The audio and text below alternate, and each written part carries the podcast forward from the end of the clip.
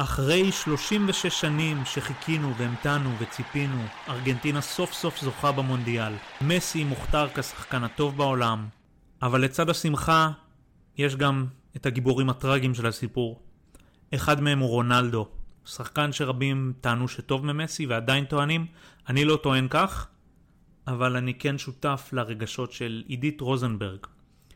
שותפה במשרד רימון כהן ושות' ויועצת תקשורת עם הרבה ניסיון, שהולכת לדבר איתנו היום על התחושות שלה כמישהי שדווקא לא חובבת כדורגל, אבל יש לה דעה מאוד ברורה על הספסול של רונלדו, ועל מה שצריך ללמוד מזה, גם על ניהול של טאלנטים בעבודה ובמדיה. אני אורי פרדניק, מנהל מחלקת הדיגיטל של רימון כהן ושות', אנחנו עושים סושיאל ודיגיטל ללקוחות בחזית העשייה בישראל, עוסקים במיתוג ומיצוב. וגם באיסוף לידים לפעמים. פתיח ונתחיל.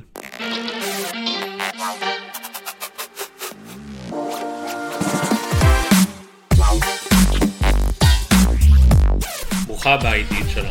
שלום. אז את היית, באת אליי בעצבים, אמרת, אני חייבת לדבר על רונלדו, על מה שקרה לו. הרי את לא חובבת כדורגל גדולה. אני לא חובבת כדורגל בכלל. אה, אבל אה, אי אפשר להתעלם ממה שקורה פה בחודש האחרון. אני חיה עם ארבעה גברים בבית, והטלוויזיה אה, על ערוץ 11 כבר חודש, והבנתי שבשביל לדעת על מה הם מדברים, ובשביל שיהיה לי איזשהו שיח איתם, לפחות בסיסי, אני צריכה קצת יותר להקשיב, לשאול, לשמוע. יש לי חברה שכשהיינו ילדות, היא הייתה אומרת שהיא קוראת את מדורי הספורט כדי שיהיה לה מה לדבר עם הבנים. יפה. כן, וזה הצליח לה, היא הייתה מאוד מחוזרת, ולקחתי את זה כ... כאיזשהו גיידליין לחיים, אה, לאו דווקא בנושא של הספורט, אלא גם בנושא של אה, לא תמיד אתה צריך, אה, בשביל להתערות, לפעמים אתה צריך להבין או לשמוע בכל מיני, על כל מיני תחומים שהם לא במה שמעניין אותך במיידי. אה, אבל זה פותח יכולת שיח עם אחרים. אז נדבר באמת על אירוע שייתכן וייזכר לדורות של אוהדי כדורגל. הסיום העצוב מאוד של רונלדו, ואני לא מדבר על ההליכה שלו אחרי המשחק בדמעות, אלא על כל מה שקרה לפני, עם הספסול שלו. אז למרות שאת לא חובבת כדורגל, את כן התחברת לאירוע הזה מאוד. תספרי לי למה. אז אני התחברתי לאירוע הזה משתי סיבות. אחת, כי באמת הבן שלי ממש היה בדמעות כש, כשזה קרה. אה, הוא לא יכל להירגע, ואני לקחתי את זה למקום של מה המסר שהאירוע הזה העביר. זאת אומרת, מה בעצם קרה שמה שגרם לבן שלי לבכות ולהרגיש שיש פה איזה חוסר צדק משווע. אה, ואני חושבת שלקחת את זה הלאה, אה, להוציא את זה מגבולות המגרש וה... והספורט, למקום של מה אנחנו לומדים בחיים, איך אנחנו מתנהלים בחיים. אה, האם המקצועיות אה, היא ערך עליון אה, ויותר חשובה מכבוד, מראיית האחר, מסובלנות, מסובלנות? לפני שנלמד על ה... מעבר לאירוע, על האירוע עצמו, אם אני אשאל את, את מדברת כאן על חוסר צדק ועל דמעות, אם אני אשאל את מאמן נבחרת פורטוגל, למה שמת את רונלדו בספסל? הוא יגיד, תשמע, הבן אדם אה, מעבר לשיא מבחינת כושר, הוא לא רונלדו של לפני כמה שנים, יש בעיות משמעת איתו, אז הדבר הנכון מקצועית היה לשים אותו בספסל. אז, אז אני מבינה, ומה שאתה אומר זה באמת להישאר במקום הצר של אה, החלטה מקצועית של מאמן באותו רגע. אני חושבת שהחלטה מקצועית אה, של מאמן, של אה, מנכ"ל, לפעמים צריכה להיות, לקחת בחשבון גם פרמטרים נוספים. אה, ואני אסביר למה אני מתכוונת. לא מדובר פה במקרה הספציפי הזה במשחק רגיל של נבחרת מול נבחרת אחרת. מדובר פה במשחק שמאות מיליונים, אני לא, לא מגזימה לדעתי, שמאות מיליוני אנשים צופים בו. אירוע אה, ספורט שיש לו משמעות מאוד מאוד גדולה. עכשיו, להשפיל שחקן כזה, שנחשב לשחקן הטוב בעולם, שנתן הרבה מאוד כבוד גם לנבחרת וגם לקבוצות שהוא שיחק בהן, ועיני אה, הדור הצעיר נשואות אליו. לקחת אחד כזה, אה, שאשתו גם ישבה בקהל, שזה גם, לי זה צרם באותו רגע בשבילו, ולהשפיל אותו מול מיליוני אנשים, מאות מיליוני אנשים, בעיניי זה היה לא נכון. ואפשר היה לפתור את זה אה, מאוד בקלות.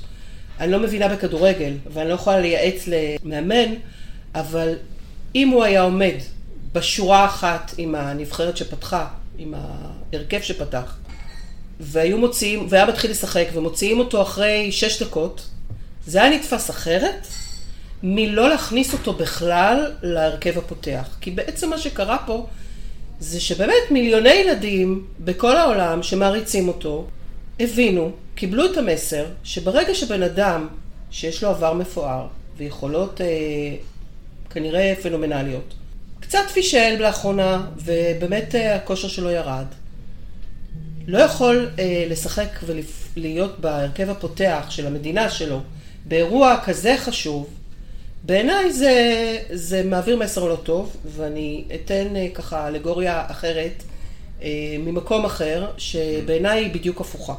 אה, נוסבאום, נוסבאום, הכתב, שהוא התגלה כחולה ALS, וממרומי עברו המפואר בטלוויזיה, הוא היום יושב בפאנל ומדבר מאוד לאט, מדבר אה, לא ברור, ועדיין ממשיך לשדר.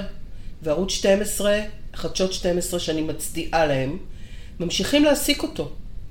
אני לא חושבת שהוא מקבל את אותו מספר דקות שהוא קיבל קודם, אני חושבת שהרבה פחות. עדיין יש סובלנות, יש אה, הערכה, לא שוכחים לו את מה שהוא עשה עד, עד אז. המסר שבעיניי עובר אה, לילדים ובכלל לכולנו, אה, הוא, אה, אין לו, הוא פרייסלס. אין לו בכלל, אי אפשר להשוות אותו לכלום, וזה לא קשור לזה שכולנו יושבים מול החדשות ואולי אין לנו סבלנות לשמוע. זה לא משנה.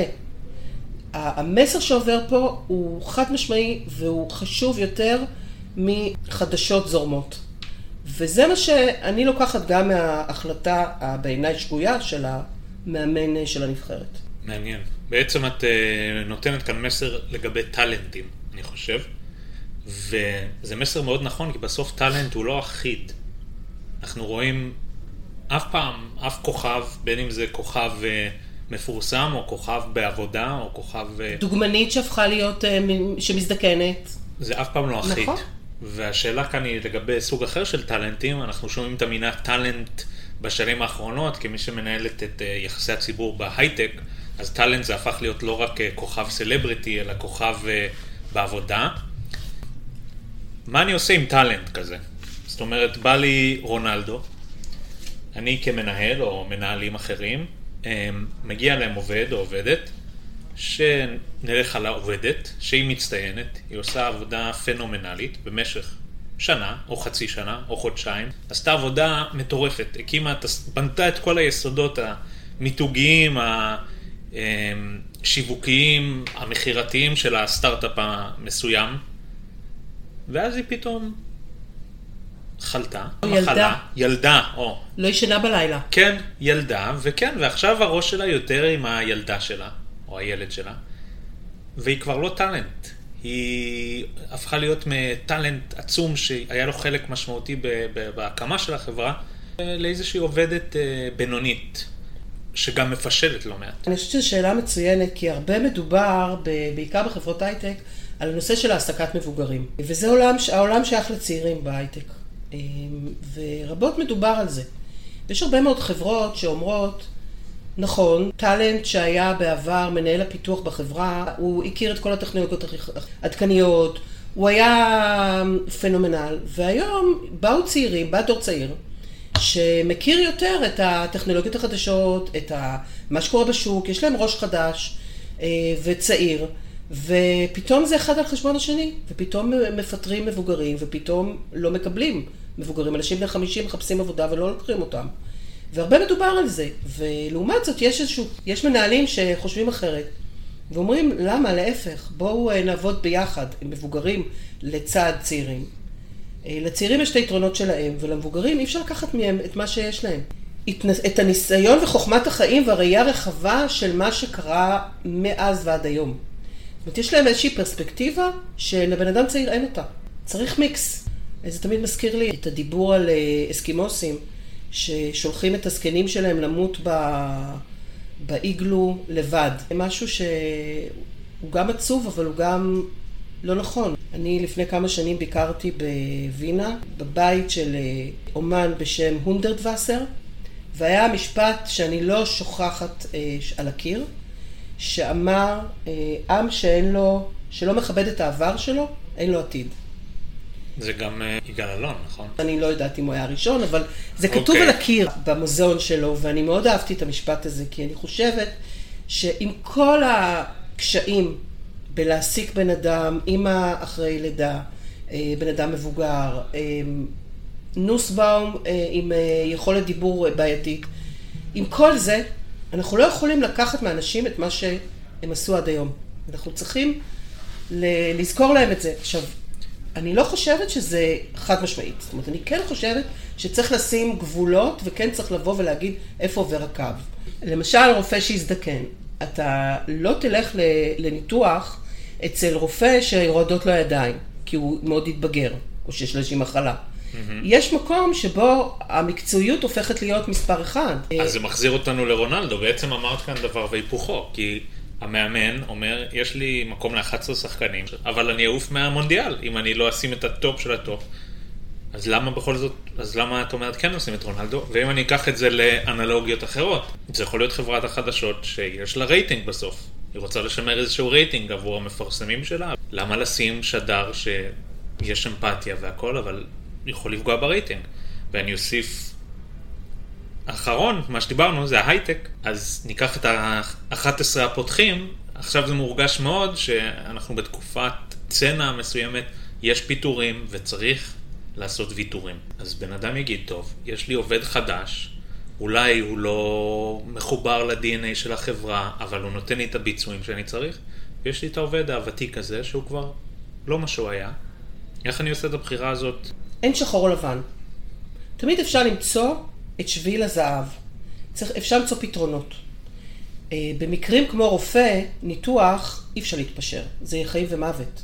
משחק כדורגל זה לא חיים ומוות, למרות שיש אה, גברים שיחלקו עליי, אבל עדיין, אנחנו מבינים את ההבדל. יחד עם זאת, יש פתרונות. אפשר למצוא פתרונות שמצד אחד יכבדו את, ה, את אותו בן אדם, מצד שני אה, לא יורידו מהיכולת להמשיך לתפקד. ונתתי דוגמה, למשל, להכניס אותו בהרכב הראשון ולהוציא אותו באיזשהו שלב, כן. אם הוא לא טוב. אומרים שעובדים אוהבים לעבוד במקום עבודה שיוזם פעילויות התנדבות בקהילה. למה? כי עובדים מרגישים שמקום עבודה אכפת לו. שמקום העבודה לא אכפת לו רק משורת הרווח, אלא גם משקיע בדברים נוספים. וזה יוצר גאוות יחידה. עובד שעובד במקום עבודה, שרואה שזורקים מישהו שפישל פעם אחת, או זורקים מישהו בגלל שהוא uh, התבגר, המסר שעובר אליו, מחר יהיה, יגיע יומי. זה יגיע אליי גם. וזה מאוד מערער את הביטחון של בן אדם במקום העבודה שלו. אולי במיידי זה נכון לפטר את המבוגר, לא בטוח. Mm-hmm. אבל בלונגרן, התדמית הפנימית של הארגון, של המנכ"ל, אה, והתחושה הלא נוחה שזה ייצור בארגון, יש לה השפעה אולי אפילו יותר גדולה מזה שייקח לפתח את אותו מוצר עוד שישה חודשים בגלל שהשאירו את הבן אדם מבוגר. Mm-hmm. דרך אגב, לא אומר שזה מה שיקרה, נכון. אבל בלונגרן יעריכו את זה יותר בתוך האחרים. זה יפגע ביכולת לשמר עובדים. בדיוק. אנשים בסופו של דבר כן. מעריכים אנושיות. יש משהו, ואולי אני נשמעת אה, קצת מתייפייפת, בלהיות זה שנושאים, ש, שאנשים נושאים את העיניים אליך ולומדים ממך, וזה גם כשאתה הורה, וזה גם כשאתה מנהל, וזה גם כשאתה מנהל צוות, אתה לא חייב להיות מנכ"ל, וגם כשאתה מאמן, דרך אגב, משהו בזה מעביר מסר. טוב, היה ממש כיף לדבר איתך, נושא חשוב. אה, והדרת פני זקן, בדיוק. עם שלא יודע את עברו, עתידו לוט בערפל וכולי וכולי. אז אה, תודה רבה עידית. בבקשה.